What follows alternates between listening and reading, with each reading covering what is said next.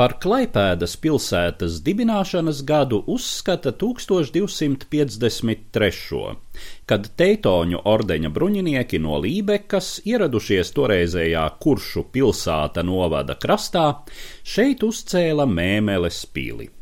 Gadsimtiem ejot, mēmele attīstījās kā tipiska Baltijas jūras austrumu krasta vācu tirdzniecības pilsēta, līdz ar apkārtējo novadu iekļaudamās vispirms Vācu ordeņvalstī, pēc tam Prūsijas karaļvalstī un visbeidzot Vācijas impērijā.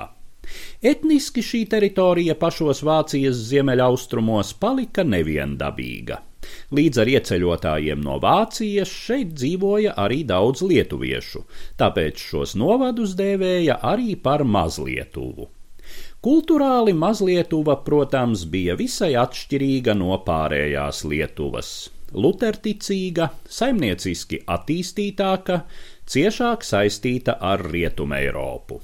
Pirmā pasaules kara izskaņā, kad robežas Eiropā centās vilkt pa etniskā dalījuma līnijām, aktualizējās arī mēmeles jautājums.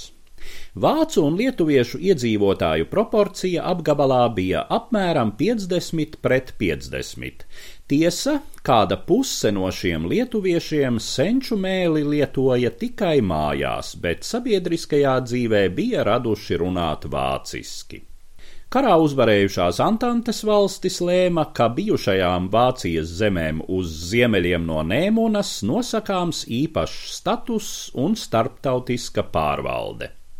1920. gadā Mēmelē ieradās franču izveidota administrācija un viens franču kainieku bataljons. Briti jau tobrīd izteica ideju, ka Mēmele būtu jāatdod Lietuvai, kurai tā bija ļoti nepieciešama kā jūras osta. Taču Francija nepiekrita. Zināmas ambīcijas iegūt šo nozīmīgo atbalsta punktu bija arī Polijai. Savukārt Vācija bija gatava drīzāk atbalstīt apgabala iekļaušanu Lietuvā kā mazāko ļaunumu, salīdzinot ar iespējamo poļu un arī esošo franču klātbūtni. Kas attiecās uz pašiem apgabala iedzīvotājiem, tad šķiet tobrīd viņu lielākā daļa vislabprātāk atgrieztos ierastajā Vācijas pakļautībā. Tikām Lietuvas valdība jau kala konkrētus aneksijas plānus. Tiešu militāru iebrukumu Francijas kontrolētā teritorijā nevarēja atļauties. Savukārt panākt vajadzīgo noskaņojumu vietējo iedzīvotāju starpā izrādījās neiespējami. Atlika trešais variants - slēpta militāra operācija. Par spīti daudzu priekšstatiem, hibrīd karš nav nekāds mūsdienu Krievijas izgudrojums. Ļoti līdzīgi rīkojās Ernesta Galvanauska vadītā Lietuvas valdība pirms 90 gadiem.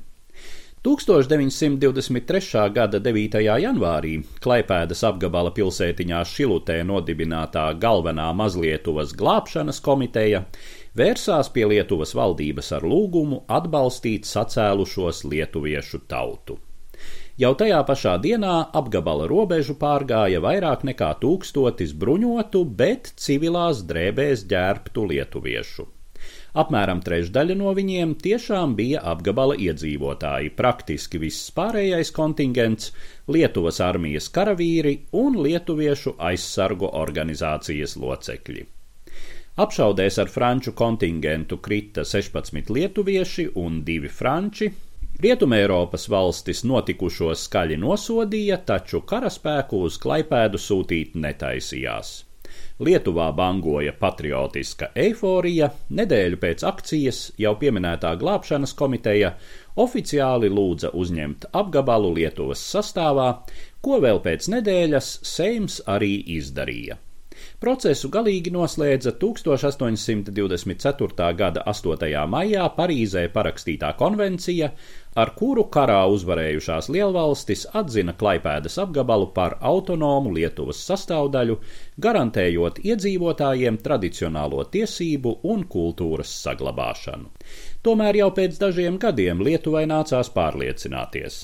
Teritorijas viegla un ātra aneksija ir viens, bet tās sekmīga integrācija kas pavisam cits. Stāstīja Eduards Liniņš.